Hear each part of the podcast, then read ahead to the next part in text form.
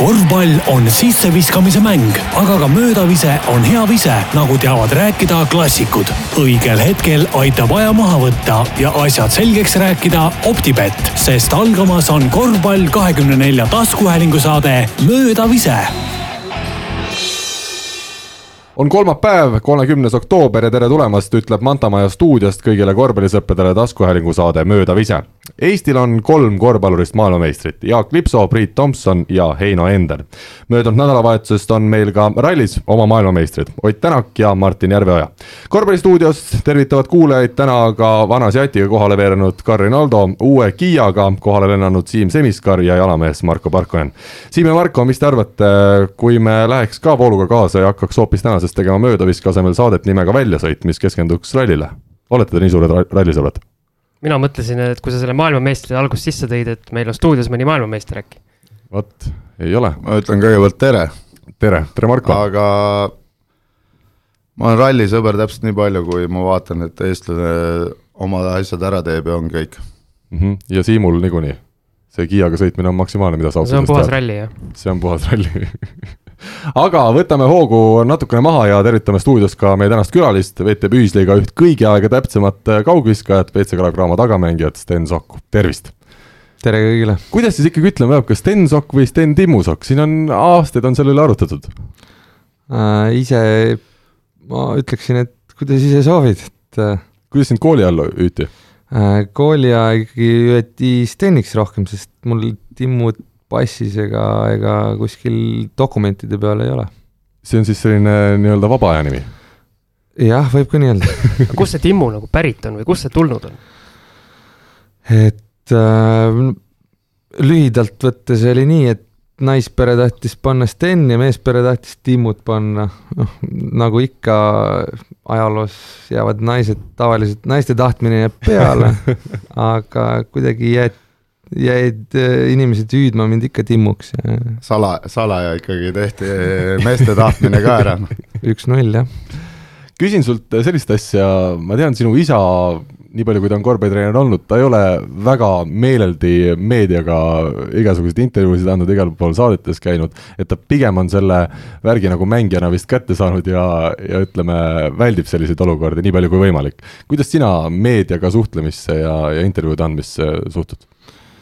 No ma alustaks siis, ma arvan, et ta talle otseselt võib-olla ei olegi meediaga suhtlemise vastu midagi, ta on lihtsalt meil selline inimene, kes, kellele ei meeldi väga, meeldi on vale paha sõna, aga kel lihtsalt ta eelistab va, tasa olla, vaikne olla. normaalne eestlane. ja no sel-, noh, jah, vaikimine kuld, ütleme siis nii, et aga minu, minul äh, on niisugune, oleneb täitsa päevast, vast mitte isegi päevast, oleneb inimesest ja, ja olukorrast, et et äh, kui keegi tuleb ikkagi pärast mängu küsima, et äh, no kuidas tunne on, siis või noh, sellise noh, natukene Paneb mitte kõige teravama küsimuse, et siis, siis ilmselt ei, ei taha väga selle inimesega pikka juttu ajada arusaadav, et äh, nii nagu me kõik ikkagi vastavalt inimesele siin maailmas tegutseme, jah? Äh, üsnagi, jah.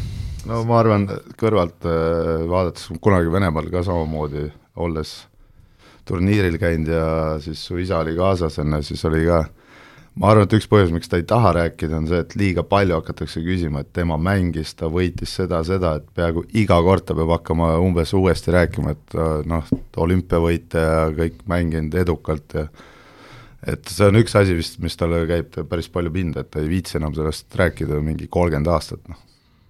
või vaevalt on niimoodi, on, et sa lähed tema juurde jõululaupäeval sööma, on ju, ta ütleb, kuule, Timmu, et ma olen olümpiavõitja. Eks ma arvan, et ta sellest ei räägi midagi, noh aga ma tegelikult saate alguses rääkisingi natukene Steni lapsepõlvest, sa sündisid kaheksakümne üheksandal aastal, täpselt siis, kui su isa oli oma karjääri tipul. palju seda, sina teda mängijana mäletad ja, ja palju sinu lapsepõlv üldse sellest tema mängija karjäärist nii-öelda sõltuvuses oli? eks ma kindlasti, ma arvan, et ma mäletan rohkem, kui ma tegelikult mäletan, et ma olin ikkagi päris pisike kui, kui ta esimesena näiteks Kreekasse läks, seal sai mänge käidud vaatamas üsna vähe, telekast ikka sai näha teda, aga, aga ma arvan, et ma olin üsna väike veel, kui tema juba karjääri lõpetas, mingi seitsmeaastane, et niisugune mälestused võivad olla petlikud, et noh, kuivõrd äh, meie elu oli ikkagi natukene sõltuvuses tema karjäärist, et noh, elasime ju, mina, mina elasin ju üsna väiksest peale Kreekas ka päris pikalt ja ja, ja eks, eks sellest ei ole pääsu mingil määral, ikka jääb korvpall äh, külge. no siis sa mängisid Panathinaikoses vist kokku neli aastat, kui ma õigesti vaatasin siin tagantjärele ja kas siis sina olid kogu selle aja seal Kreekas kaasas? Ma ütlen nii, et jällegi ma ei taha valetama hakata, aga, aga enamuse, enamuse ajast, eks ma ikka käisin siin tagasi ka, aga Tanel oli see, kes käis mingil hetkel oli vaja tal kooli minna, siis tema jäi pigem siia. mida väike poiss Kreekast mäletad? ainult head. sooja kliimat, selliseid vahetuid ja viisakaid inimesi. Ega, ega rohkem on jällegi raske meenutada nii väiksest east kas sa kreeka keelt ka mingil määral seal teiste lastega mängides kuidagi õppisid või? mul oli selles mõttes ei, ei, ei jäänud väga palju külge, et äh, ma käisin ka lasteaias ja, ja koolis seal esimeses-teises klassis, aga me käisime ikkagi niisugune, ütleme, diplomaatide koolis, et äh, kus ikkagi suurem õppetöö käis inglise keeles, vähemalt sealt jäi inglise keel hästi külge no ma siin küsin Markot ja Siimu ka saatesse kaasa tõmmates natukene, et mis ajast teie mäletate olümpiavõitjat Tiit Sokku? Te olete natukene, ütleme, vanemad, eks ole, Stenist. kas teie seda olümpiavõitu juba kaheksakümmend kaheksa Soulis mäletate või olite te liiga noored siis veel? mina olin liiga noor, mina ei mäleta. Mina mingil määral mäletan, aga ma ei anna pead, et ma seda mängu nägin. milline? et noh, selles vanuses, et sama, et ma vaatan neid olümpiamänge küll, aga noh, ma ei ole kindel, kas ma seda kõike nägin või ei näinud. Noh. mul on hea võimalus küsida, et aga palju Tiit mängijana meenutas öö, oma poegi, kas te olete selle peale jõudnud mõelda hiljem öö, Tanelit ja Steni no, vaadates või? äkki peaks parandama, et äkki ikka vastupidi, ikka meenutatakse ikkagi nagu see teistpidi. no meenutame niipidi siis okay. jah. no kuna ma tean äh, Timmut äh, juba miniklassist peale, noh. sest ma ühe korra oma võistkonnaga õnnestus mängida, siis ta oli niimoodi, et miniklassis oli kaks viisikut, ühes viisikus oli Timmu ja teises oli siis Margus Klementsov, ja siis nad klaarisid ära kohe mu satsi seal mingi rahulikult kolme-neljakümnega aga mulle on jäänud kogu aeg mulje, et äh, Timmu on rohkem isa moodi kui Tanel, nii et äh, stiil, mängustiil juba väiksena oli see miniklassis oli juba ka niisugune, kus hoidis keha vahel ja hoidis pea üleval, ma veel vaatasin, okei okay,, noh davai, et mul veel kutid umbes ei saanud midagi aru, aga ta juba põrgates hoidis keha vahel, jagas sööta enne, noh mm. -hmm. Et selles mõttes oli küll äh, suht sarnane. mul on see, et nii palju, kui ma neid näinud neid videosid Tiit Soku nendest hiilgeaegadest, kas siis äh, toonase Nõukogude koondis või, või siis Panathinaikose isegi videod, mis siin ringlevad, et äh, toona ikkagi see korvpall oli no nii teistsugune, et see tempo oli aeglasem, siis oligi see selline nii-öelda floor general või kuidas seda öeldakse, et toob palli üle, näpud püsti, kõik liikumised, värgid, seda oli aega teha ja kõik. Aga nüüd vist ma arvan, Timmo saab ise ka aru, et see mäng on hoopis teistsugune. kuigi need äh, ilmselt needsamad nii-öelda plussid ja miinused löövad ka välja, aga ikkagi niimoodi võrrelda on nagu jube raske oled sa ise midagi seda siis spetsiaalselt isa pealt vaadanud maha või, või sealt nagu kaasa võtnud või? tead, kuna ikkagi nagu ma ütlesin juba, et ta lõpetas üsna sel hetkel ära, kui me veel olime üsna väiksed, siis ega, ega no tagasi pole ju mõtet mänge vaatama hakata ja sealt midagi õppida, et, et eks ikka terve korvpalli olen ikkagi temalt õppinud, tema on õpetaja, selles mõttes treener olnud mul äh,. eks eks muidugi noh, mind ongi selliseks õpetatud, nagu ma praegu korvpalli mängin, sellist korvpalli ma tegelikult tahan mängida. iseenesest ma saan aru ka, et äh, noh, ma, ma ju näen, kuhu poole korvpall kogu aeg läheb, noh et, et järjest füüsilisemaks, kiiremaks, pikemaks, et äh, noh, ma olen siin nalja teinud, et äh, ma olen, mõnes mõttes ma olen õnnelik ka, et mu karjäär on nagu juba teises pooles, et äh, võib-olla selle selle füüsisega praegu seal kuskil kaheksateist aastaselt alustada oleks raskem, kui seda oli teha võib-olla kaksteist aastat tagasi millise kasvatuse sa oma vanematelt äh, said, olid nad ranged vanemad äh, ja, kui palju nad sind, äh, ütleme, õppetöö osas jälgisid ja, ja korrale kutsusid? ütleme mõõdukalt, et kuidas ema oli, e-, eks ema pidi meiega rohkem just väiksest peale tegelema, kuna isa, isal olid omad rutiinid, asjad sees, aga, aga noh, ta oli ka olemas kogu aeg aga isal oli üks moodus see, et, ta, ta ei ole kunagi väga range olnud. aga kui, kui sa mingi jama kokku keerasid ja tema võttis su ette, siis oli see, et ta ei kunagi karjunud su peale. ta võttis su ette, ta pani su mõtlema, mis sa nüüd valesti tegid, ta pani su halvasti tundma ja siis see oli veel hullem, kui oleks pikipäid jalgu saanud. et äh, noh äh,, karmid nad pole olnud, aga ütleme õiglased, et äh, Tanel on hea laps olnud, aga ma ei ole kõige lihtsam laps ka äh, siin olnud kunagi, et Äh, aga, aga said mu kuidagi hakkama. et lapsepõlves möllasid ikka ringi, nii nagu üks normaalne väike laps tegema peabki? mis ma möllasin, aga sigadusi sai ikka tehtud, jah. Mustamäel äh,? või kus te Tallinnas olite? jah, ütleme, kui Kreekas veel oli enamus elu, siis elasin nii mina kui Tanel vanaema juures Mustamäel Vilde teel, aga üldjuhul sel hetkel, kui isa juba tuli tagasi Eestisse, siis me kolisime siiasamma Nõmmele, et äh, tuttav koht, kuhu tulla oli. kas korvpall on teie peres olnud ainuke mäng või teie Taneliga midagi muud ka noorena harrastasite? Äh, ma võin öelda üheksakümne üheksa protsendise täpsusega, et, et, et see on ainukene olnud, noh, ma olen paaris tenniselaagris kunagi käinud, kuna emal või isal või vanematel oli vaja mind, noh laagrisse suvel sõidutada, on okei okay,, see selleks, noh, tore iseenesest, saab, lapsel on tegevust vaja, muidu läheb kodus, kodus pole mõtet ka passida. aga üldjuhul küll, et äh, eks koolis sai kunagi ka kunagi hobi korras jalgpalli vahetundidel mängitud, aga see on ka kõik mm. -hmm hoovis. see on, see on hea näide, et vahetundide ajal jalgpalli mängida. jah, jah, et kunagi see oli veel moes hoovispordi juurde tahtsingi tulla, kas sina oled ikkagi sada protsenti see põlvkond, kes äh, kõik õhtud, suveõhtud veetis kuni pimedani väljas? mul oli mõnes mõttes raske üleminekuperiood, et kui tuled Eestisse tagasi, siis on, hakkab põhimõtteliselt su elu justkui hakkab mingi seitsmeaastasena hakkab uuesti nullist pihta, et jube raske on siis nagu leida neid uusi sõpru või, või äh, olukordi, kus sa saad ennast Äh, sinna õue viia, kuigi jah, mina veel äh, kuidagi sattusin sinna põlvkonna lõppu, kus ikkagi käidi veel ukse taga, lasti ülesse kella, et kas võib mängima nüüd tulla, et, et, et sellel ajal ma veel elasin, ma ei tea, kas tänapäeval vaevalt, et seda enam ei, äh, see, toimub. See on praegu, nooremad kuulajad ei saa aru, millest me räägime. see, see uksekell on üldse, paljud ei tea no..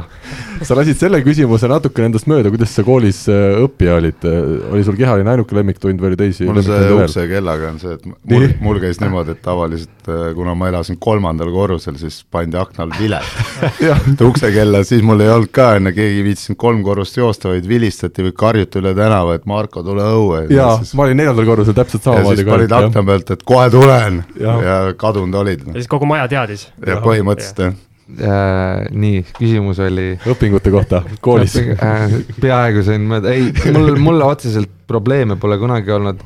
eks vanemad ikka lootsid, et ma olen äh,, tuleks puhtalt viieline. aga lõppude lõpuks olin neljaviieline. et, et no ütleme muidugi koolipoisi kolmese tuli ikka ka sisse, aga aga eks ma üritasin äh, ühtepidi ja teistpidi edukalt oma hindeid äh,, hindeid ütleme kõrgel hoida. sa täiustad meid, ma ütlen vahele veel, mina, Siim, Marko, meil olid kahed-kolmed kõik hinded üldiselt, et sul olid siis need ülejäänud hinded no,.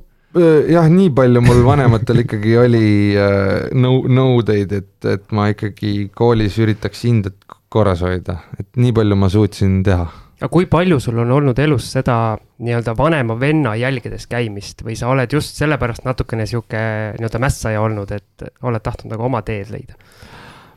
tea, see on jube raske inimeselt küsida, eks see on sihuke lollis iseloomus kinni, et arvad ikka, et oled ise kõige targem ja tahad ise omamoodi seda elu elada, et et äh, võib-olla ma oskan sulle kahe-kolmekümne aasta pärast seda vastata, praegu ma küll ei oska, et äh, venna jälgedes noh, vaevalt, eks siin iga inimese elu läheb ikka vastavalt sellele, mis, mis ees toimub, noh, sama hästi või oleks võinud küsida, et kas ma noh, isa jälgedes üritan käia, noh, ma ei tea, eks, eks, äh, eks see mingil määral ole ikka tähtis.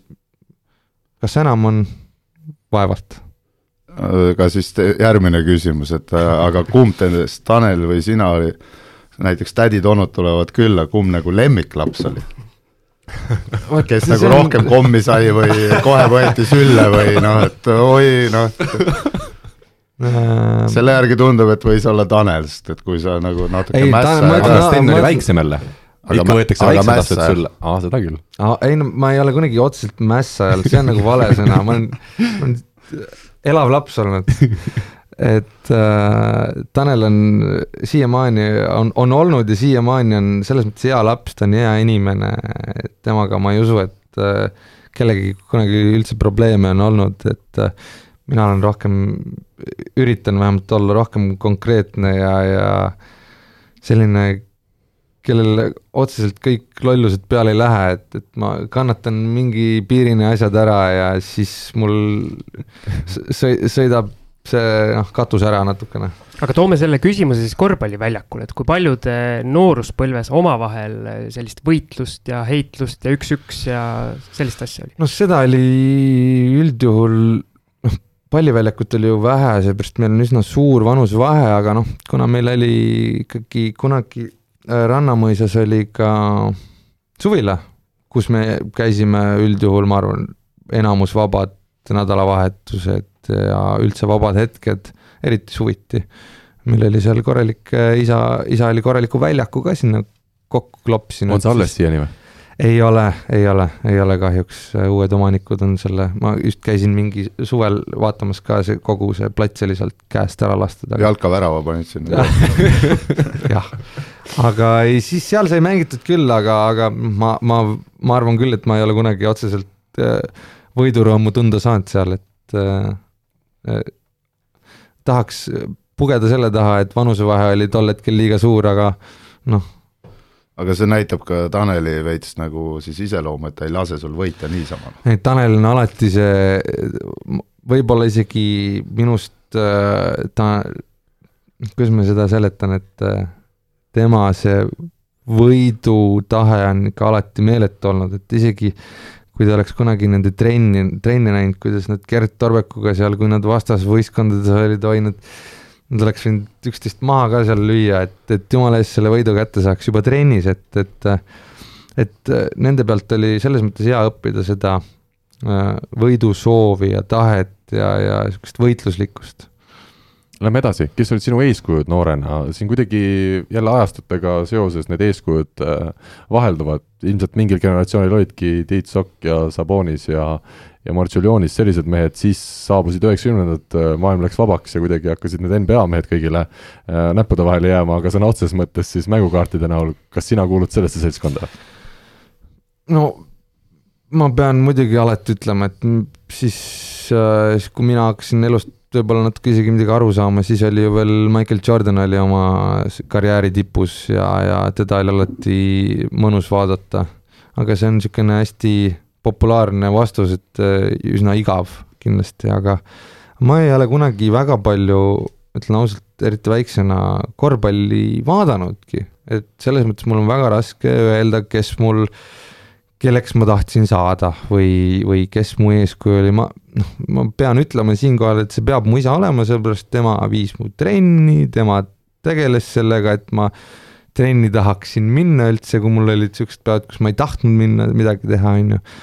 et, et äh, ma ei saa öelda, et mul ühte kindlat iidolit oleks olnud, aga no nagu ma ütlen, et äh, Jordan on mul eredalt meeles, ma mäletan veel sai äh, Hiiumaal suviti veel neid finaale kuskil vaadatud äh, täiesti nii, et ei saa väga hästi aru, mis seal väljakul toimub. kuskil antenn oli veel, veel otsisid seda signaali ja, kuskilt ja. akna pealt. koputasid teleri peal kindlasti? ja, jah, ja sai noh, kineskoobiga teleki peale kindlasti. et et äh, sai neid Utah ja Pulsi mänge vaadatud küll seal äh,. et, et kindlasti noh, noh ja temaga kõrvale panna siis veel Stockton ja Malone kindlasti olid need kes noortele võisid imponeerida, seepärast nemad olid ju need kõige ägedamad mängijad. kas sina tahtsid olla rohkem Stockton või Malone ma oleks ikkagi Jordan tahtnud olla, aga, aga ma ei ole kunagi nii ausalt öeldes mõelnud, et ma, ma, ma tahan keegi olla, noh, ma olen ürit-, no ma ütlesin, jäärapäine inimene, et olen ikkagi tahtnud äh, pigem omamoodi olla, vähemalt oma, oma arvates omamoodi olla. et seda siis ei olnud, et sa vaatasid need NBA mängud ära ja siis läksid oma sinna korvpalliväljakule ja ütlesid teistele, et ma nüüd täna olen Jordan ja täna olen Stockton ja? ei, ma ikkagi, kui ma vastasvõistkonna mõtlesin välja, noh, et kui oled üksinda Kossu väljakul, mis sa teed, ikka teed, et oma võistkonna ja vastasvõistkond mängib vastu sulle. noh, siis oled sina ja siis on Jordan sul kõrval, noh. aga siis tema palli ei saanud ju ilmselgelt, noh. et väljakule jooksis. üks-null korviga alles. väljakule jooksis Sten Sokk ja Jordan. jaa, täpselt nii tuleme sinu mängijakarjääri juurde, mida sa ise kõige elavamalt mäletad oma korvpalluriks saamise tee juures, on sul mingid aastad, mis olid murrangulised, kõige huvitavamad, kõige erilisemad? Ma ütlen ausalt, ma olen elus nii palju juba korvpalli mänginud ja treeninud, et mul ausalt läheb sassi juba, vanuseliselt on jube raske, et äh, no noorena sai enamus suved isegi Hiiumaal veedetud, et noh, kui isa veel tegeles äh, noh, kui Tanel oli veel seal kümne-üheteistaastane, ma olin noh, siis ilmselt palju noorem seal, siis oli meil Hiiumaal laagrid ja noortele olid kolm, kolm laagrit mõeldud, sihukest kümnepäevast, siis noh, me saime seal muidugi terved suved elada, et ühes-kahes-kolmes laagris käia, et elus on juba nii palju äh, trenni tehtud ja, ja erinevaid olukordi nähtud, et väga ei tahaks rääkida sellest enam, et mis see nüüd kõige eredam äh, hetk oli. selge, need eredamad hetked on veel ees niikuinii, aga ma hakkasin vaatama Eesti Korvpalliliidu kodulehte ja siin esimene nii-öelda statistikat uurides esimene kord, kui sina oled ka pildiga esindatud, on hooaeg kaks tuhat viis, kaks tuhat kuus. ja ütlen ausalt, põsed tunduvad päris ümarad. kas see on miski, millest peaks täna pikemalt rääkima, et et see hea füüsis on tulnud, ütleme, aastatega ja pika tööga pean tänama selle hea füüsise märkuse eest et aga lähme, lähme, lähme nüüd mööda sellest, aga ei no eks, kes mind natukene parem ikka teab, et äh, füüsilisega on mul alati siuksed äh, oma, kuidas ma ütlen siis, oma, oma suhe olnud, et ka kui ma tulen tagasi selle Marko jutu peale, et kui mul pea oli üleval ja varjasin palli, eks noh, see tuleb sellest, et noh, kui sa ise teisest vastasmeeskonnast ei, ei jõua iga kord mööda minna, siis siis pead mõistusega mängima hakkama, et eks, eks üht, ühtepidi see oli suureks miinuseks äh, äh, ütleme, peh-, pehme olek, aga, aga teistpidi see tuli kasuks, et sa õpid äh, teisi, teisi asju seal väljakul, mida muidugi tänapäeval on järjest vähem ja vähem vaja, et, et tänapäeval on ikka põhiline, et äh, oleks terav jalg ja, ja mida pikem sa oled, seda, seda suurem eelis sul on. Äh, Tiit Sokku tuntakse eelkõige kui väga head nii-öelda mängujuhti selles suhtes, et ta jagas, jagas mängu, jagas söötu väga hästi. sina, ma mäletan juba, me siin saate eel rääkisime, et, et sul see viskamine oli kuidagi südames, et seal üks esimesi meistriliiga hooaegu kõige rohkem kolmeseid peale visanud ja kolmkümmend viis punkti vist äh, Fausto vastu, et sinul nagu viskamise vastu otseselt midagi ei ole olnud, et sa hea meelega oled enda peale võtnud no eks ma olen tast umbes kümme senti lühem ka, et, äh, et mul peab see olema, kui ma e-, ei ole kõige teravama jalaga vend ka, siis kuskilt äh, ma pean ju ohuks olema vastastele, et et nagu ma ütlesin, et kui üks asi on nõrk, siis sa pead oma teisi asju lihtsalt äh, tugevusena kasutama. nii, aga no ma, ma just eelmine aasta vaatasin, sa rääkisid, et eh, see, kuidas isa juhtis mul mängu ja, ja seda tegi, ütleme, tol hetkel Euroopa ja maailma tasemel tipptasemel. aga ma just eelmine aasta kuidagi sattusin vaatama ühte Panathinaikose ja Aarise mängu, see ka üheksakümne viiendal aastal noh, see, need ütleme, need intensiivsused eh, kaitses olid ka hoopis teistsugused asju, teistsugune, et et minu jaoks on alati naljakas äh, rääkida, et äh, kas, kas on nüüd äh, selle praeguse aja korvpallurid paremad või kunagise aja korvpallurid paremad. igaüks on oma See- ajas ja jah, seda ei saa väga hästi nii võtta, sest et tema oli kindlasti sellel hetkel väga hea. ma usun, et ta oleks ka praegu hea mängija, aga lihtsalt äh, väga teises võtmes võib-olla, võib-olla ta oleks noh, kõik räägivad vähe sellest, kui äh, hea skoorer ta tegelikult oli ka seal Kalevi Euroliiga aastatel, siis ta hakkas rohkem seda söötu vaatama, kui ta mängis kas äh, paremate meeste vahel Nõukogude Liidus või kui tal läks Panathinaikosesse, talle lihtsalt äh, öeldi, et kuule, et kutike, et äh, sa ei pea meil üldse skoori tegema, et meil on siin teised mehed selleks, et mm mm -hmm. igalühel olid omad tugevused, mida seal siis välja, välja absoluutselt kanda. noh, et äh, korvpall on, muutub iga, iga viie-kümne aasta tagant kar-, nii kardinaalselt praegu juba, et ei ole mõtet hakata rääkima, kes, kes siis või kes praegu. järjekordne raske küsimus, viske puhul öeldakse ikka, et kas on looduse poolt antud või on palju tööd teinud. kas sina oled ühe teooria nendest esindaja või sa arvad, et see tõde, tõsi on seal kuskil vahepeal? ma arvan, et see on kuskil vahepeal, pigem kindlasti sul peab olema äh, looduse poolt midagi kaasa antud, kui sa tahad väga hea viskaja olla. aga samas ma iseenda pealt näen ära, et ikkagi kui, kui kannatab näiteks äh, see harjutuste kord või kannatab füüsis, siis ka läheb äh, tahes või tahtmata viskeprotsent läheb alla, et äh, need on ikkagi seotud omavahel, kuigi noh, kellel üldse pole antud sellest ma võin julgelt öelda, et ega tast väga head viskajat ei saa ka, ükskõik kui palju ta vaeva ei näeks. Marko, sina oled treener, sina näed seda viskamise poolt äh, eriti lähedalt, kuidas sulle tundub? nojah, see on, praegu on ikka päris kosmos see. olgem ausad, nagu Eestis äh, nende viskajatega on ikka väga halvasti need lood, nii et ja ega, ega need noored ei viitsi nagu eriti vaeva näha ka. palju sul on neid noori, kes ütlevad, et kuule, et trenni aeg saab läbi, näha on, et kedagi teist äh, saali ei ole tulemas pärast trenni, et kuule, et me jääme viskama? no sõltub, mis aegadel. et üks asi on see, kas sa jääd viskama või sa jääd loopima, noh. aa, seal on vahe, eks ole. no vahe on ikka päris suur, et äh, kui sa paned käed kokku, on ju, ma olen isegi reaalselt mängijad saalist ära ajanud, sellepärast et ma ei viitsi seda tsirkust nagu vaadata, et kui ma lähen äh, oma riietusruumi, tulen tagasi, need vennad harjutavad mingit haaki, mingi noh, et sa teed poolteist tundi või kaks tundi trenni enne ja siis sa paned mingit klouni selle otsa, et mille jaoks, noh. Ja kui sa võtad mängude protsendid lahti, enne kui su visketabavusprotsent on mängust mängu, enne sa paned vabakaid enne kuuekümne kahe protsendiliselt enne, siis mängijad, vähemalt mina olen seda kogu aeg teinud, enne, minust ei saanud lõpuks mängijatega midagi, enne, aga ma enda jaoks viskasin näiteks trennide alguses, trenni lõpus äh, näiteks mitu vaba viset ma saan järjest sisse, noh. et see oli point, nagu ma panin mingi neliteist tükki sisse viskasin mööda, siis ma olin päris pinges, no siis ma juba tõstsin selle, et viiekümnest, et ma pean saama umbes, ma võin eksida kaks korda, noh. ja kuna mulle meeldib, et äh, ma pidin ise lauda minema, siis ma pean keskenduma igaks viskeks nagu uuesti, noh. ja siis paned need vennad siia joone taha, siis on niimoodi, ütleme, teeme kümme, peab järjest sisse saama, annad kümme minti aega, noh ja siis pead veel saali aega juurde ostma, et eh, või siis lased neil kunagi järgi visata, et see on nagu väga halb äh, väga halb näitaja Eesti noortega, aga ma ütlen ausalt ka, et ega praegusel hetkel vist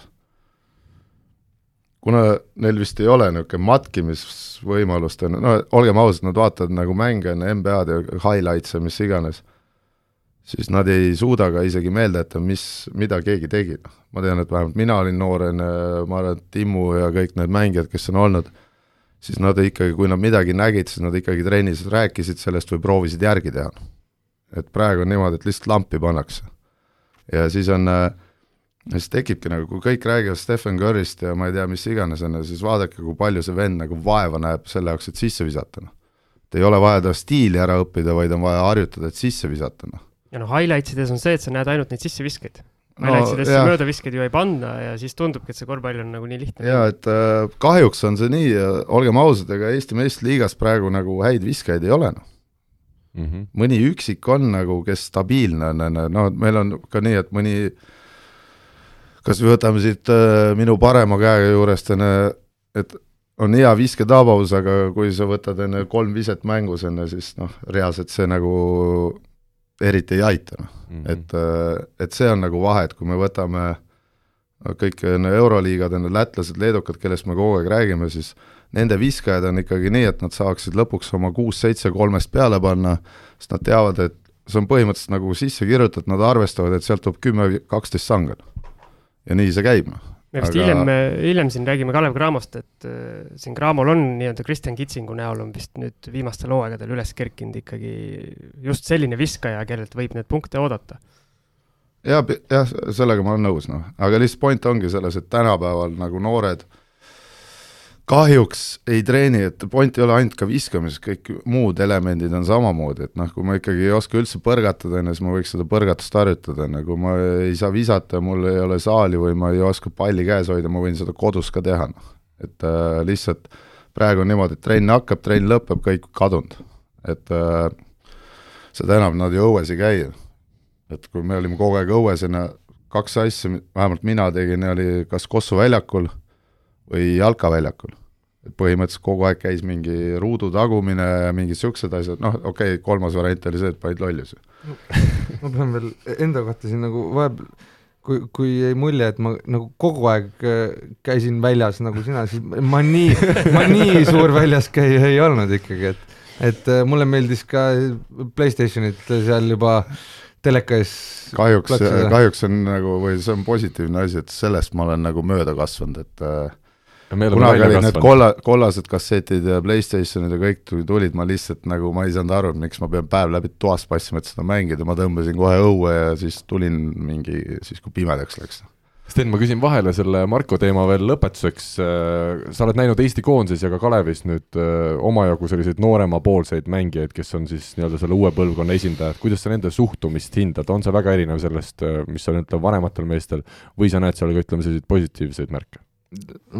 vaata, kui me, nii palju, kui ma olen näinud äh, neid nooremaid kutte vähemalt koondises, siis äh, mina olen küll pigem olen nagu positiivselt meelestatud, et äh, ma ei, ma ei puutu kokku ütleme selliste, ütleme tavaliste, tavaliste harrastajatega. Nendega, kes ongi üksikud, kes on jõudnud kes on juba jõudnud sinna, et minu arust see noorem põlvkond on, ma võin juba öelda, et palju professionaalsem, kui mina olen sellises vanuses olnud. Palju,, palju-palju, et nad on, nad on tublid, nad teevad lisaks, nad, nad on noh, need, kes on juba jõudnud, nad juba mõistavad jõusaali tähtsust, nad äh, mõistavad seda tähtsust, et sa pead suvel ka kogu aeg vaeva nägema. et äh, noh, kas või trellid, Kullamäed, Raiested, et nad teevad suvel kogu aeg individuaalset tööd ka, noh, see on see on minu jaoks, see on väga positiivne ja mina jällegi näen, et äh, meil on, korvpallil ei ole üldse nii, ütleme, et on helge tulevik Eestis, mina arvan, minu, võin äh, siia vahele rääkida kiire loo selle Bertantsist, kui ta oli partisanis. siis äh, neil oli päris hea treener sellena, kes kogu aeg rusikat näitas ja nii edasi. siis Bertantsil oli nii, et ta, ta kurtis pärast, et niisugune asi, et ta pidi, tegi trenni ära poolteist tundi, kaks tundi hommikul ja siis talle öeldi, et äh, enne sa ära ei saa, kui sa paned transition'ist ehk täiskiiruse pealt kümme kolmest järjest sisse või sealt alt tuled enne katte pealt enne täiskiirusel kümme tükki järjest sisse peale trenni. ja tal läks ka mõnikord äh, kolm tundi aega. aga järgmine trenn hakkas ikka kell näiteks kuus õhtul. ehk ta sai minema, sai korraks puhata ja pidi uuesti trenni tagasi tulema ja tal oli veel seal kinnastega pidi panema ja nii edasi, nii edasi küll oli kakskümmend kolmest, kümme kolmest vastavalt tujudele, kuidas treener tahtis, noh. ja nüüd on niimoodi, et ta tegelikult on nagu viskekäis, et ta on selle, et see on nagu challenge, okei okay,, see pandi treeneri poolt, aga ma olen kuulnud ka niisugust, et äh, rahvuskoondis äh, no vahet ei ole, mis ajal, mis aastal, on ju, et kui kaamera oli seal, noh, no näiteks ERR tuleb, teeb enne kõva uudise, ju Järits tuleb, eks ole, jah. ja, ja siis on niimoodi, et nagu kõik tahavad nagu pärast näidata, et peale trenni ilge töö käib, et viskavad ja nii edasi, et põhimõtteliselt nagu see kaamera pandi, see punane tuli läks kustuni, siis pandi veel üks haak peale ja minema et on ka niisuguseid lege lugusid, nii et noh, aga ei, ma jah, ma ütlen ka, et need nooremad, kes on välismaal, kuna neil on nagu õpetatud niisugust kultuuri ja kui nad tahavad kuhugi jõuda, noh, point on selles, et äh, sa pead selle jaoks midagi tegema et äh, ja nad ikkagi üritavad, aga nad panevad laata ka päris palju, aga okei okay,, selle veel neelab alla, sest nad on üheksateist, kahekümne aastased, on aga kui nad juba käivad ja näitavad sellega oma soovi enne, siis see on juba nagu hea märk, noh. Sten, me jõua kahtlemata kogu sinu karjääri täna üksipulki läbi võtta ja jumal tänatud, nagu Steni näost on näha, aga sa oled välismaal mänginud Gruusias, Rumeenias, Venemaal, Kreekas, kui ma nüüd eh, ei eksi. ütle päris sedasi kiiresti, mis kõige selline huvitavam paik oli, kus mängida? huvitavad on nad kõik olnud. kas siis on sul mingeid huvitavaid lugusid meenutada? kindlasti on, mida ma siin jagama ei hakka aga ei äh.... Venemaal said liikluses hakkama? no seal on, kui sa oled õiges kohas elad, siis saab ikka hakkama muidugi, et äh, mitte seal autoga seal ei sõida, Moskvas noh, antakse autojuht selleks, et sa ühest kohast teise jõuad. autojuht oli alati kaine, kui sõidutas? see on üks nendest lugudest, mida ei saa rääkida ilmselt küll, aga ei äh,, mul on, kõik on huvitavad kohad olnud. Äh,, võtame siis kiirelt kokku, kõik on huvitavad kohad olnud.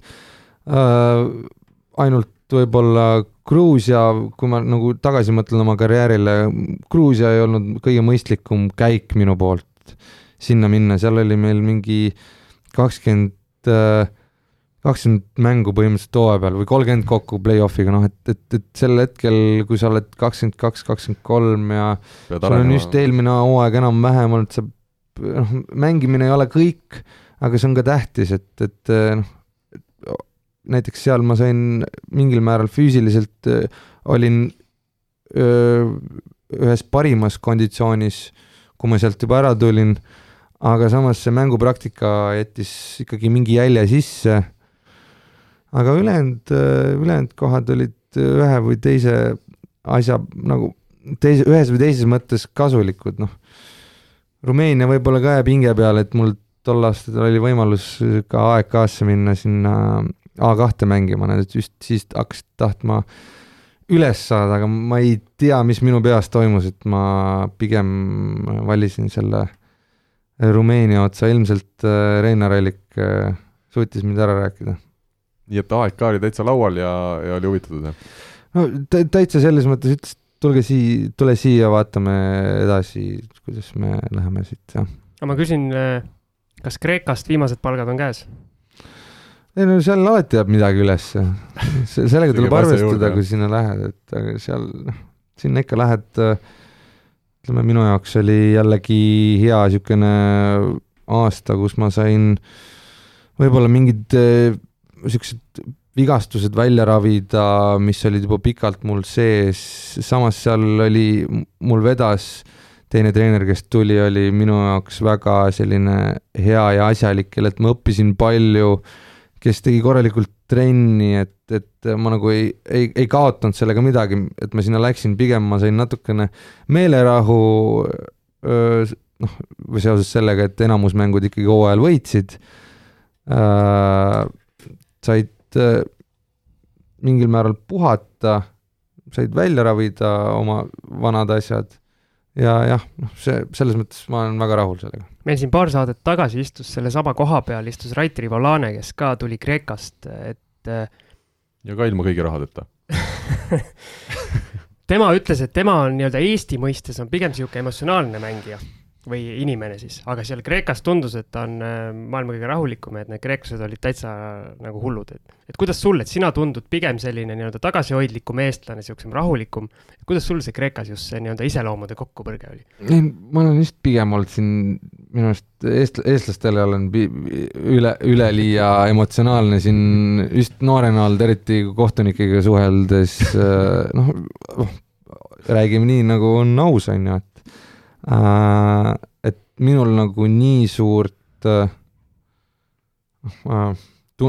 tunnet ei jäänud, et nad üle, üleemotsionaalsed oleks, kuigi noh, kui sa võrdled ikkagi eestlast ja kreeklast, ükskõik millist teist eurooplast, ütleme lõuna, lõunaeurooplasega, siis ikkagi käärid on päris suured, et sealt võis see vähe väiksema sütikuga meestel võis ikkagi nii käia lihtsalt plõks ära ja siis oli võimalik, et ongi, lähevad, panevad pasunasse kellelegi, et et aga noh, selles mõttes mul on hea, et ma, ma oskasin ette näha, ma oskasin mingil hetkel maha rahustada ja, ja nagu asju, asju klaarida enne seda, kui see käest ära läks. aga mind huvitab, kuidas, kui sa noorena elasid aastaid Kreekas, et kuidas sul see Kreeka temperament nagu eh, nii külge ei jäänud? No ma räägin, sa vist ei tunne mind kõige paremini, on et ju, eks ta, eks ta, eks ta natukene on jäänud ka ja mulle, mulle meeldib see, et ega ma selles mõttes äh, võib-olla ma ei ole ka kõige parem suhtleja noh, inimeselt inimestesse, mul praegu on äh, natuke, mida vanemaks olen saanud, seda paremaks on läinud, aga ma ei, ma ei ole kõige lihtsam inimene, et kui ma sind esimest korda näen, et ma suudan ta hingeelu sulle avada, et et äh, mul selles mõttes oli ka hea sinna Kreekasse minna, mul äh, Nad on nii jutukad ja nii normaalsed inimesed, et nad toovad sinust selle ka välja, et sa saad aru, et oh, ei olegi nii raske suhelda teise inimesega, et et äh, mul tihtipeale on võib-olla teise eestlasega palju raskem suhelda, seepärast et mina ei saa sõnagi suust ja tema ei saa sõnagi suust ja siis võib-olla tundun üldse mina see jobu, kes ei taha, noh, kes kõik ei saame aru tunnet, nagu aga kui siin temperamendi peal läks ja siis äh, rääkisid, et sul meeldib kohtunikega rääkida, siis äh,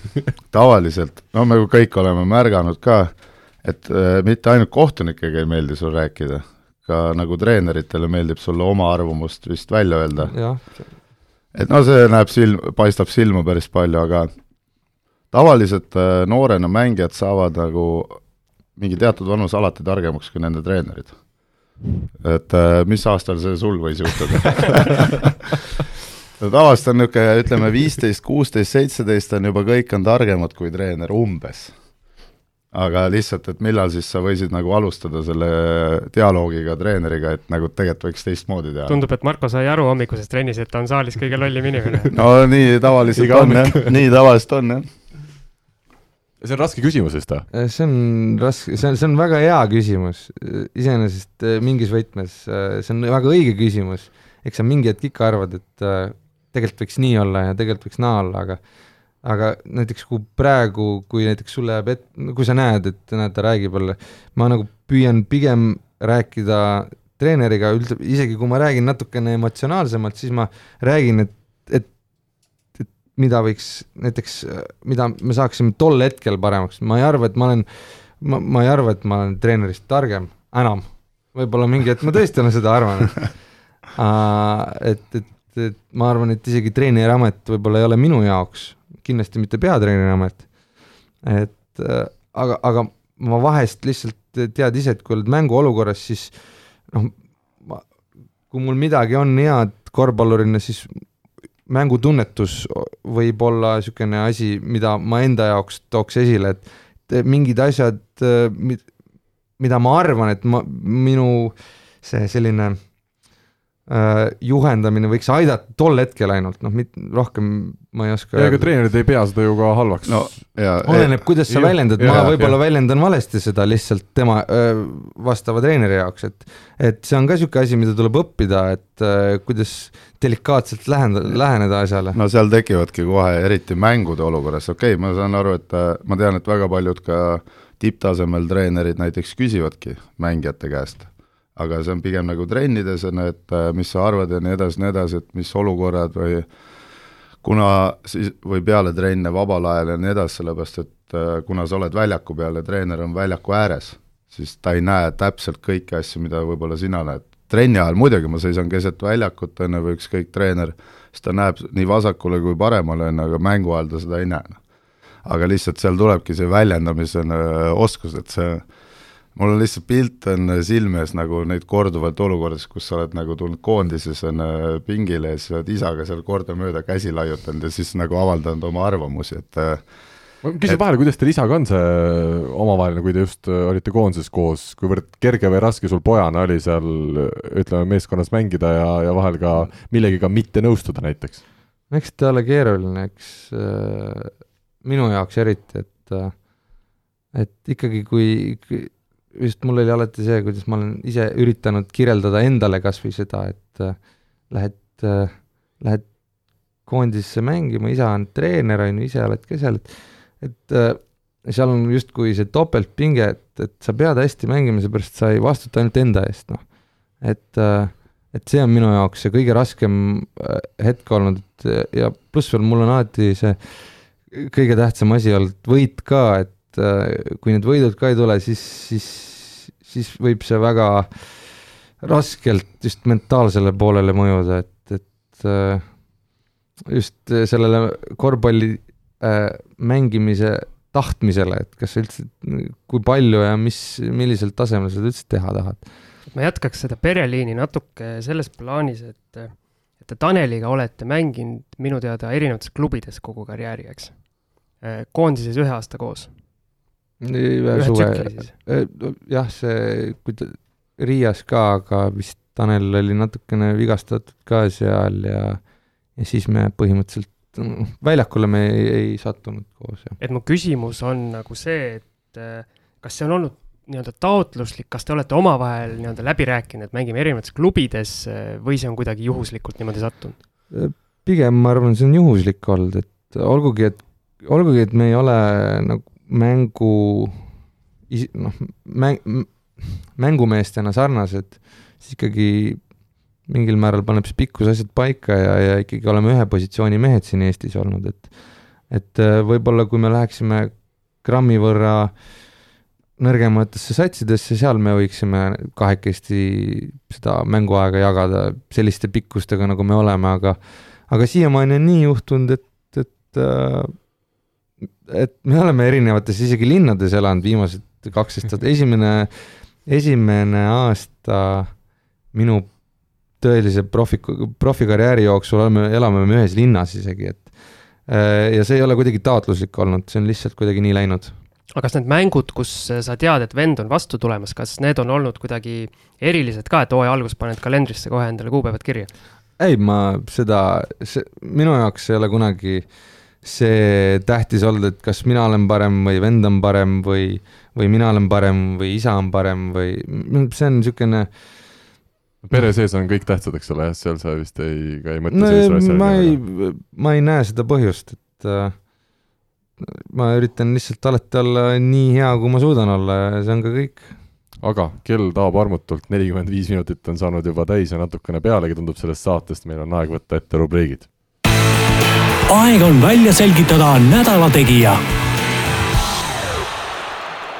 kõigepealt siis Siim, ma saan aru, sa oled korraldanud jälle mingit komedianti ja me ei valigi nädala tegijat äh, nii-öelda laiast massist, vaid meil on natukene konkreetsem seekord see valik. Meil on seekord konkreetsem jah, et äh, mõtlesin teha Facebooki grupis siis sellise, sellise hääletuse seekord, et mitte ei pane üldist nädala tegijat hääletusele, vaid kuna meie, meie saatekülalise klubi BC Kalev Cramo on siis hooaega nii hästi alustanud, siis mina küsisin niimoodi, et kes on olnud Kalev Cramo hea hooaja alguse kõige suurem kangelane. panin siis omapoolsed variandid ka äh, ja ülivõimsalt saja kahekümne nelja poolthäälega hääletati parimaks siis peatreener Robert Stelmachers. ütle ära, kas olid teised, teine-kolmas ka ja siis peatume peatreeneri paari sõnaga. just, Kristjan Kangur kaheksakümmend seitse poolthäält, Kristjan Kitsing kakskümmend üheksa, Priit Lehismets, ma ei tea, kuidas tema sinna nimekirja sattus, üheksa häält ja siin järgmised. Sten sai? Sten sai täpselt ühe, ühe poolthääle no,. Tanel ikka hääletas siis järelikult. jah, võimalik aga ütleme nii, et koos Aigar Skeelega jagad seda ühe häälega Sten, aga tuleme selle tänavuse hooaja juurde paari sõnaga. Robert Stelmachers, palju ta nüüd äh, on seda meeskonda siis sinu jaoks muutnud ja, ja kui kõrgelt sina tema teeneid hindad? Ma, ma üldjuhul ei, ei tahaks treeneritööd kunagi kommenteerida, et see ei ole üldse minu töö. mis mina võin öelda, et minu arust Kangur kuskil meediavälja, väljaandes väga hästi kirjeldas ühe lausega, et äh, paari sõnaga, et karm, aga õiglane mm. -hmm. et selline ta on uh,.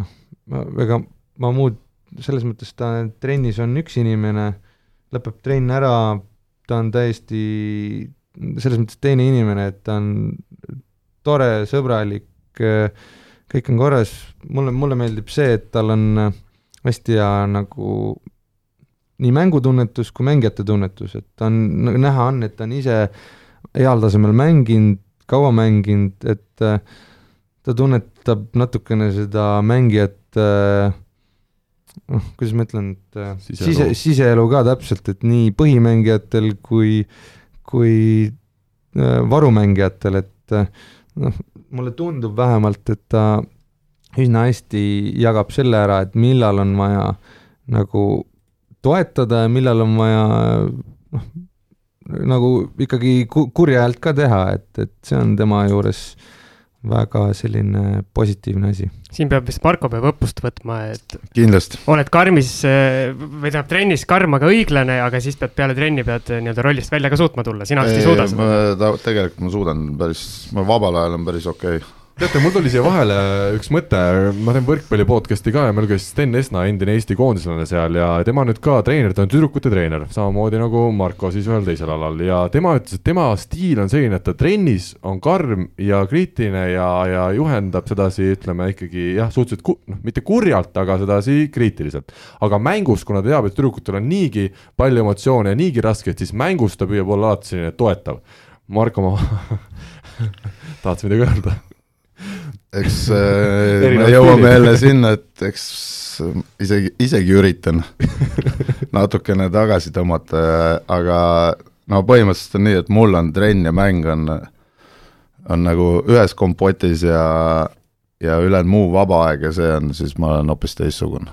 Marko kiire analüüs äh, Stelmaersi kohta ka, et mis kolleeg hästi teeb, mida sa näinud oled kõrvalt? ei, mis ma siin ikka, mulle meeldivad ta intervjuud, et ta ei, ta ei laula siin nagu meil enamus kõik laulavad, et nüüd me, Graamo sai kolm võitu, mis olid väga head mängud.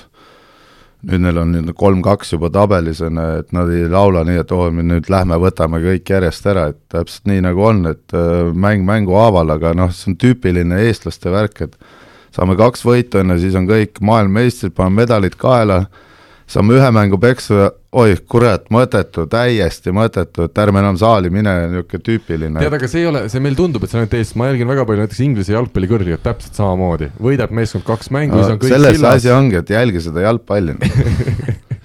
ei, ma lihtsalt toon nagu näite, meil on kogu aeg, et kohe on, kui üks mäng, me ei saa öelda, ka ebaõnnestub või mis iganes, siis äh, no võtame nüüd niimoodi, et see Jurmala mäng läks sinna, kuhu ta läks, on ju siis oli nii, et nagu sats tuleks laiali saata ja kõik on ju, saadi järgmine võit kätte, oh ilge koba, et enam nagunii ei tule midagi, et kuidas sa Jurmalale kaotada. siis saadi teine, et siis ikka veel räägiti, et kuidas sa Jurmale kaotad, me nüüd oleme võtnud kaks tuhat, siis võeti seniit ära, nüüd on kõik, et siin on ainuke samm on Euroliiga ja enam keegi meile vastu ei saa, on ju, nüüd tuli kaotus ja siis hakati juba jälle, et mõttetu, et see ei mänginud, see mängis sitasti, see mängis halvasti ja nii edasi, nii edasi et minu jaoks on see täiesti ajuvabane.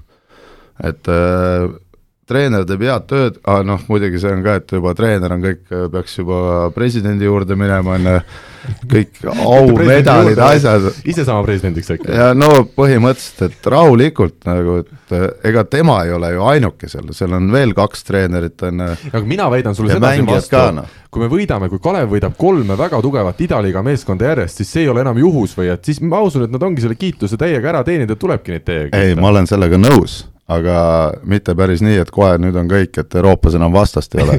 et samm-sammu haaval, loomulikult nad peavad kiitma, nad mängisidki hästi, noh. aga see kiitus lõpeb tavaliselt ära järgmise mänguga. mm. -hmm. et äh, nüüd ma saan aru, et täna on teil mäng Pärnuga, no, no te võidate mingi, oletame kolme punktiga, ju, siis põhimõtteliselt, ai, see on ikka täielik jama, on ju, et näed, et nüüd on kõik läbi, noh. no põhimõtteliselt niimoodi, nagu see käib, et ühe, ühe mängu viskad kakskümmend punni, järgmine mängu viskad üheksa punkti, aga hoiad vastase venna kaheksa peale, enne seda ei märka keegi, enne ja siis nad ütlevad, et ai kurat, sa panid kakskümmend, et nüüd sul on täitsa vormist väljas, enne kuna viskasid nüüd üheksa. Õnneks nüüd, nüüd märkab seda ka, me, me sellepärast Markot stuudiosse kutsumegi, et ta märkaks selliseid asju. aga Sten, minu küsimus, mida ma olen ise mõelnud, et äh, me ju tänavusel aastal Kalevis mängime sisuliselt oma meestega, meil on paar täiendust, aga ütleme isegi ühisliiga kohta me oleme väga nii-öelda oma keskkonna keskne võistkond. kas sa oled minu selle mõttekäiguga nõus, et need kõik aastad, mis ütleme siin Torbekud, Jõesaared, sina ise näiteks, Kitsing, on selles tugevas ühisliigas iganädalaselt tugevaid mänge saanud, et see ongi kogu selle asja tuum, et, et te olete lõpuks kõik ära harjunud selle tasemega ja ka ise samal ajal sellele samale tasemele jõudnud? no ilmselgelt sellest on väga palju kasu, sealt äh, nädalast nädalasse selliste mängude saamine, see on kõigile kasulik, ükskõik mis, mis mängijatel, isegi kui sa vaatad seda kõrvalt, on see kasulik, noh. aga ma, see on puhtalt minu arvamus praegu, et äh, ma arvan, et see eelmine aasta andis väga palju nendele eestlastele juurde, kes siin olid ja äh, kes jõudsid näiteks sinna play-off'igi just, just niisuguse enesetunde poolest, muidu sa saad järjest peksa ja peksa ja peksa ja siis sa noh, öeldakse ikka, et noh, kaotamine tekitab kaotamist, noh, samamoodi me nüüd võitsime ühe mängu, okei okay,, oligi Nižni vastu, me ei ooda, keegi ei oodanud, ma arvan, et noh, ise ka selles mõttes üllatasime ennast, noh, teises me juba uskusime, et näed, võitsime Nižnit väljas, miks mitte Unixit kodus võita, võitsime. et ka see võitmine mingil määral tekitab võitmist, et seda oli natuke noh, kitsingust, kitsing kõige eredam näide praegu, noh, see enesekindlus, mis ta eelmine aasta ikkagi sai, see on puhtalt kandunud sellesse aastasse edasi, noh, nii nagu tema, tema praegu viskab näiteks, noh, tal, talle tehakse iga mäng üks-kaks viga kolmese peal, noh ma kuulsin su eelmist seda äh, saadet. arvutasin mis... lahti kohe, kuidas äh, vigade tegemine käib. mis tal, sul oli iseenesest õigus, aga, aga talle hüpatakse ka reaalselt sisse, et ta peab natuke näitama ka, et, et talle hüpatakse sisse, et kõik need asjad, äh, see on nagu koosmõju, nüüd jah, et äh, see eelmine, sellest eelmisest aastast on väga palju abi olnud ja minu arust on ka sellest abi nagu, et kohtunike mõistes, et meil ei ole äh,, on mingi respekt seal te tekkinud Kalevil, Kalevil võistkonnana, et et kui muidu oli nii, et olid, ma mäletan veel, mis, mis aasta see oli, kui veel äh, kreeklane oli Himki peatreener. see oli, see oli kaks aastat tagasi vist. jaa, Partsokas või? Partsokas oli eesotsas ja minu arust me võitsime esimese poolaja või see oli kolm aastat tagasi, noh, ühesõnaga vahet pole, võitsime viieteistkümnega poolaja, mees sai tehnilise ja põhimõtteliselt teisel poolel ühtegi viga enam meile ei antud. noh, et, et lihtsalt äh, löödigi maa alla, et noh, võib-olla pealtvaataja seda tähele ei pane, aga need, kes in-, kes seal sees on, need saavad sellest pisiasjadest aru, noh. olgem ausad, ega seniidiga mängus ka üks mees ikkagi natuke üritas üritas äh, kolmest vennast äh, seniidile, aga ja see ei olnud eest-, ei see ei olnud teil lätlane ega soomlane vist? see ei läinud, ei läinud läbi seal õnneks kuulge, aga aeg jälle rutab meist ettepoole ja meil on aeg ette võtta järgmine rubriik. küsimusmängu toetaja on teamshield.com oma disainiga spordi ja vaba aja riided. Siim, küsimusmäng ja annan jälle sõna sulle. panid mind pukki jälle, jah? jah. nii, eelmises saates oli meil siis külas Priit Ilver ja tema kohta tahtsime teada, et äh, milline hooaeg oli tema kõrgliiga karjääris ainuke, kus ta valiti olema meeskonna kapteniks ning mis klubiga oli tegemist? Sten, sa oskad vastata sellele küsimusele? Absoluutselt mitte. absoluutselt mitte. Õnneks meil üheksa inimest oskasid õigesti vastata. Äh, õige vastus oli siis hooaeg kaks tuhat kolm, null neli ja meeskonnaks Tallinna Kalev. vaatasin spetsiaalselt üle ka Ilveri statistika tegi too aasta kaasa kakskümmend seitse mängu ja kogus keskmiselt üheksa punkti ja peaaegu viis lauapalli. väga hea teadmine äh,. jah ja., ei. ei, ma just tahtsin Marko käest küsida, kas on kaptenile väärilised numbrid oh.? Joomajoo, kes seda oskab vastata no. kuule, aga lähme edasi, meil aeg nii palju ja. on juba kulunud, et. nii, Sten, palun siis äh, üks number ühest üheksani. viis.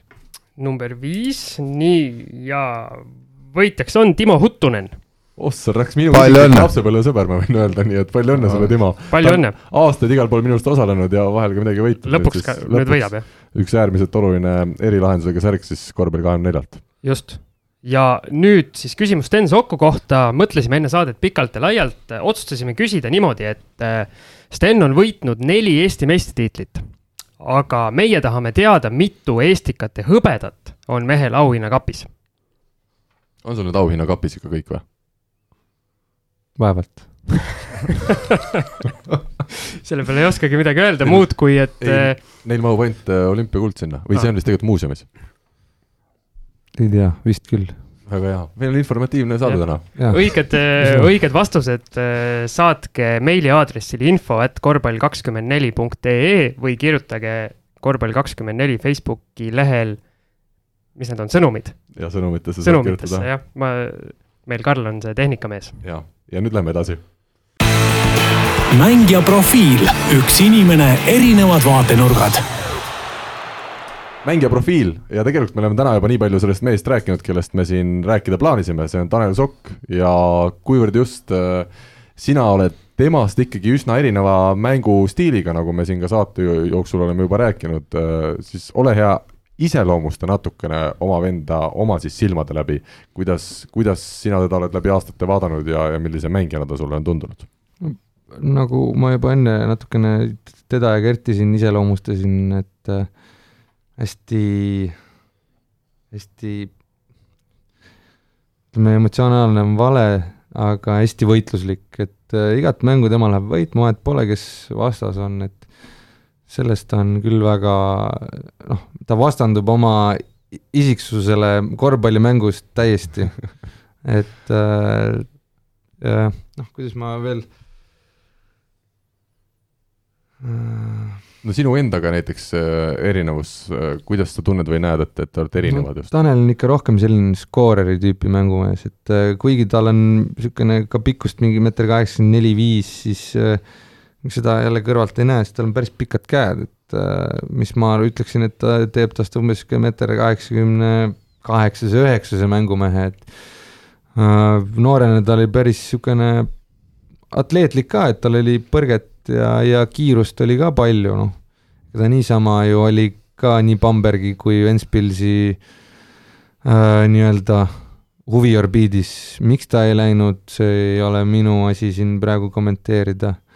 et äh, tal on, ma, ma ütleksin, et tal on palju rohkem potentsiaali olnud kui minul näiteks, et äh, just tänapäeva korvpallis läbi lüüa, ta on väga hea üks-üks mängija.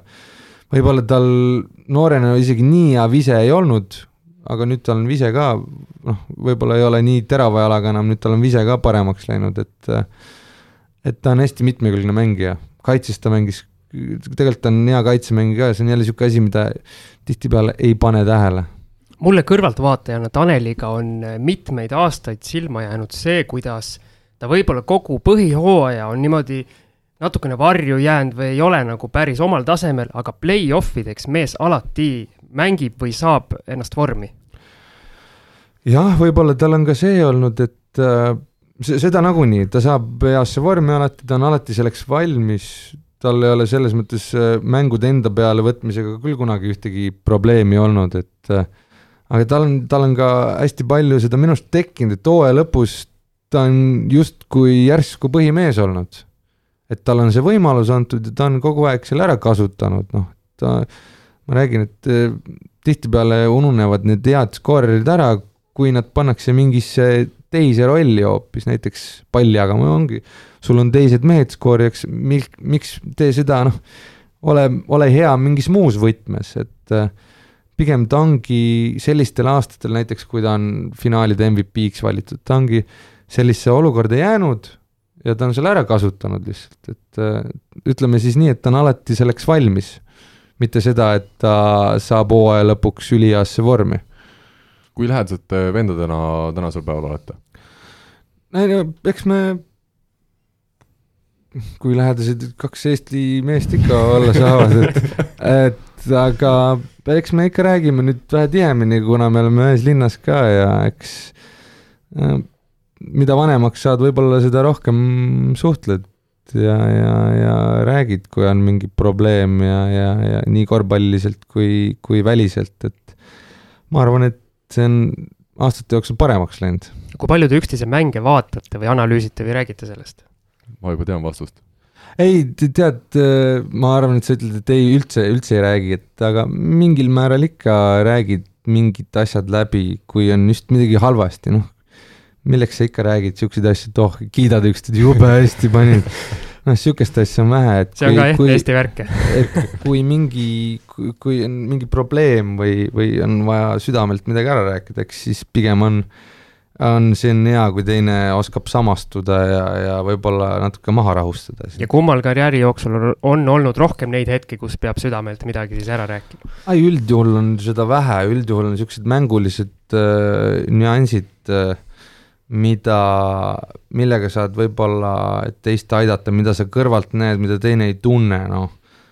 et, et, et just äh, kõige vast niisugune asi, ma mäletan kunagi, kui mina olin veel, ma olin välismaal ja Tanel oli juba Tartus, siis oli see Machado aasta siin. ja, ja siis ma mäletan, ma rääkisin Taneliga play-off'ide ajal ka ja siis tema oli küll nii pessimistlik, et ei usu, et sealt midagi noh, et ta, ta ei olnud nagu endas üldse kindel, et kas sealt võib asju tulla, et neil on nii hea võistkond. aga no mina nägin hoopis teistmoodi seda, et seal oligi, eestlased jooksid selles mõttes äh, joonejooksu seal edasi-tagasi, palli ei saanud. noh, Tartu kasutaski lõpuks, kasutas äh, selle meeskondliku mängu kasutas Kalevi vastu ära ja nad võitsid, noh, et, et niisugused väiksed asjad, mida sa ei pane tähele, et noh, pane edasi, ärge muretse, las need kui võidavad nii, võidavad nii, noh, niisugused väiksed asjad. vahele küsin äh, Eesti liiga versus ühisliiga, kas on nii, et ütleme, teie jaoks ikkagi kogu selline põhikeskendumine on ju ühisliiga mängudel, et need Eesti liiga mängud kuni play-off'i mingi faasini tuleb lihtsalt ära mängida? ma hetkel küll ei ütleks seda, et täna oli ka, eile valmistusime Pärnuks, vaatasime nende liikumisi läbi, täna hommikul vaatame, vaatasime nende liikumisi läbi, noh, üks asi on valmistume kindlasti samamoodi.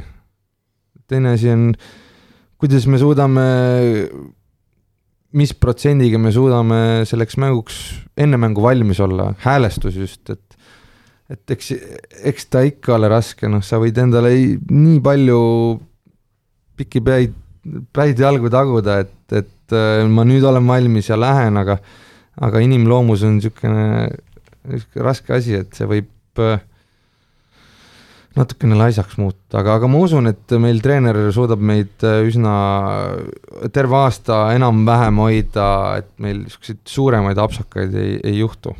samas on enamus äh, Euroliiga satsid on samamoodi, et koduliiga mängud on niimoodi, et nad on juba paar korda tuppa saanud selle aga Euroliigas nad nagu näitavad suht head mängud, et äh, nii see käib, et tahes-tahtmata sa kuskilt pead äh, järgi andma, noh meil ei ole saate lõpuni enam palju aega jäänud, aga veel üksikud küsimused siin, uued mehed on teile tulemas, veel kohal ei ole? ei ole näinud küll uusi ma nägin, äh, huvitav oli, kas see Twitteris vist üks teie uutest meestest oli pannud, et aitäh, et andsite mulle võimaluse ja siis oli pannud see at Kalev Cramo ehk siis tänast Kalev Cramot ja taga oli Vene lipp. ja siis üks Eesti korvpallisõber oli parandanud teda seal Twitteris, et, et, et it's Estonian flag. ja siis oli ära parandanud, et nüüd ilmselt tuleb vähemalt õigesse kohta see tundub. loodame, loodame. ja Richardson meeskonnas veel? ja on. ma siin vahele ütlen, et äh, Marko Parkoneni oli see eelmise saate pikk monoloog Richardsi teemal sai väga positiivset. oli tõesti huvitav kuulata ka. positiivset tagasisidet, öeldi, et sellist La, las... asja tahaks rohkem kuulata. ja las see nüüd olla, sest et äh, see on läinud aga ma toon lihtsalt näite, et kuna me hakkame lõpetama nagunii, siis äh, üks asi, mis mulle, ma ütlen kohe, mis mulle Timmu mängu juures meeldib ja mida ma soovitan kõikidel vaadata, kes on meeter kaheksakümmend. et kui toimub mismatch ehk vahetus, siis kuidas Timmu ja samas ka Tanel, aga kuna Tanelil on väike eelis, nagu sa ise ütlesid, natuke pikem, pikemad käed, siis vaadake, kui raske on äh, mängida Timmu vastu pukki ehk kui hakatakse palli nagu alla andma, see, see on petlik, et see ei tähenda iga kord, et kui mängija sinust lühem, et sa saad seal kohe ära teha, nii et see on üks asi, mida, mida mulle meeldib vaadata ja see on, et äh, ma soovitan seda jälgida kõikidel no- äh,, mängijatel. mina mäletan ühte hetke Riia kaks tuhat viisteist, kui sa Jaanis Timma ära likvideerisid äh, ja, ja Kalev Kruus selle peale pöördesse läks eks ta ole raske ka, osamat-, osavamate mängijate vastu on raskem, et äh, see tõmbab päris tühjaks samas energiast, et kergem on omapikkuse mehi võtta lõppkokkuvõttes, aga noh, kui sa sellesse olukorda jääd, siis sa pead lihtsalt äh, valmis olema selleks.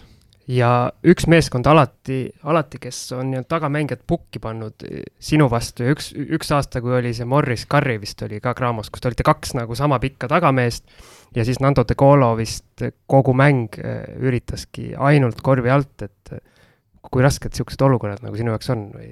vot tol mängul ma ei usu, et ma väga palju mängisin, sest ma mäletan väga hästi, mida sa mõtled ja ma mäletan, et nad üritasid kogu aeg post ida teda, aga äh, ja ka, ja ka mind vist, aga ju, ju ma võib-olla mängisin väikseid minuteid, et, et. minu meelest sa tegid või tähendab, sattusid seal vigadega. võib-olla, absoluutselt, sellepärast ma ei, vot tol hetkel ma mäletan, esimene mäng Moskvas, mis me mängisime, üritas Kurbanov kogu aeg üles post ida, aga, aga seal nad ei saanud sellega hakkama. et, et ma, ma mäletan seda mängu, millest sa räägid, aga ma enda isiklikust plaanist äh, nii väga ei mäleta, et ma oleksin väga palju seda saanud kaitses mängida seal pukis. aga nüüd läheb nii, nagu tüüpilisele eestlasele kohane järgmine mäng. puid alla või? ehk täna keegi võtab su vastu pukki, teeb ära, on ju, ja siis kogu internet on täiesti mõttetu, seal ei toimu midagi, no nii, nagu ta läheb, noh. no sellega peab harjuma, mis ja, seal ikka. aga pigem jah, et äh, mulle see, see on üks asi, mis mulle meeldib nagu jälgida mängus eriti, noh. kes on parim mängija, kelle vastu sa oled mänginud, on sul keegi selline, kelle vastu sa tead, et alati ühisliigas näiteks vastu tuleb, et oi jumal, et sealt läheb, seal läheb keeruliseks? eks ma arvan, et see Dekalo oli väga hea näide äh, kunagi, aga jällegi ühisliigas on, võib sulle täiesti niisugune mees, keda sa ei tunne, võib sulle panna viis, vabandust, viiskümmend on vähe palju, kolmkümmend. Et äh,. aga Dekoloost räägi paar sõna, mis tema ei, mina, vot mul on raske rääkida, mina olen väga vähe teda katnud üldse, üldjuhul, kui ta on meie vastu mängis või noh, ükskord äh, puhkas Theodosic, teinekord puhkas Dekolo, et tema vastu on vähe mängitud, et kes on head, noh, kõik on head mängijad, Euroliigas äh, WTB-s ei tulegi sulle keegi viitekümmet viskama, et seda on raske kedagi täpselt välja tuua, et siin on jube hästi mängivad äh, meeskondlikult mehed, võistkonnad eriti, noh, eriti kus on väga head mehed. noh, Šved hetkel on äh, väga, kõige raskem, ma arvan, kinni võtta Švedi aga millist mängija stiili sul nagu kõige ebameeldivam katta on, hea viskaja, kiire läbimurdja või just niisugune pikem, kes nii-öelda tahab alla suruda su vastu? just, äh, ma arvan, et niisugused äh, kõige hästi terava jalaga mehed. või samas ütleme, kõige kergem on selliseid mehi võtta, kellel on ainult üks tugevus või kaks tugevust, et kellel ei ole kolme tugevust, et sa võtad mingi, mingi asja, lased tal lihtsalt teha, et kui ta on üli, ülikiire, siis noh, mis teha, viskad, lased tal üle käära visata, noh siis, siis on see, et et äh, üritada võtta vastaste just tugevusi ära, et äh, just see aasta äh, Stelmachersi juurde tagasi tulles, et tema üks äh,, üks üks suuremaid nõudmisi, noh, mitte nõudmisi, aga jo-, suuniseid meile on see, et enne mängu vaadatakse ikkagi mängijate tugevused üle ja, ja üritatakse neid ära võtta just. et äh, sunnime mitteviskajaid viskama, sunnime neid, kes tahavad rohkem läbi minna vi-, äh, jälle visk-, noh, saate aru mu ja. pointist, et äh, et just, et mängija kasutaks oma miinuseid mängus meie vastu aga kui vastased teevad VTB-s sinu kohta nii-öelda scouting report'i, mis sa arvad, mis seal kirjas on, mis need sinu tugevused on, mis sinult tuleks ära võtta?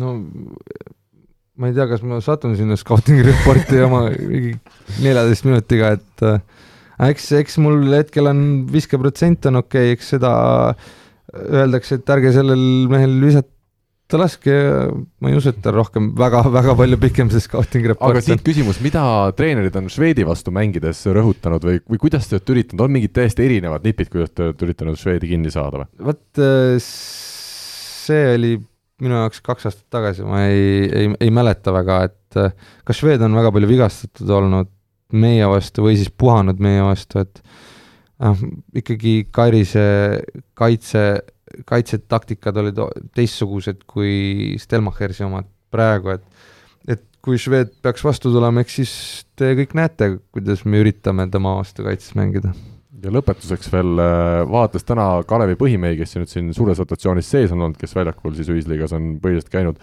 sa oled vanuselt juba teine mees Kristjan Kanguris, Kanguri järel, kas hakkab nagu endal ka selline vanamehe tunne juba tulema? pean, pean sind selles mõttes korrale kutsuma. jah, kurbas on. kurbas, kurbas, ma mõtlesin sellest rotatsioonist, kes meil väljakul on. aa, vabandust, okei okay., siis mina sain valesti aru uh,. nojah, eks aeg seisma ei jää ju. et ma ei, ma ei oska selle väite peale midagi öelda, et äh, siis ma peab järjest rohkem enda eest hoolitsema hakkama et, et, et karjääri pikendada. selge, no õnneks sul on kanguri puhul ka selline mees kõrval, kelle pealt sa võib-olla näed, kuidas seda teha. jah, väga hea, selle jah-sõnaga me tänasele saatele joone alla tõmbame. Sten Sokk oli meeldiv sind siin näha ja, ja sinu mõtteid korvpalli teemal kuulata. Siim ja Marko, teist minul ei ole pääsu, kohtume nädala pärast nii teie kui ka kõigi kuulajatega, ilusat päeva jätku. Kuulmiseni. Kuulmiseni. aitäh, nägemist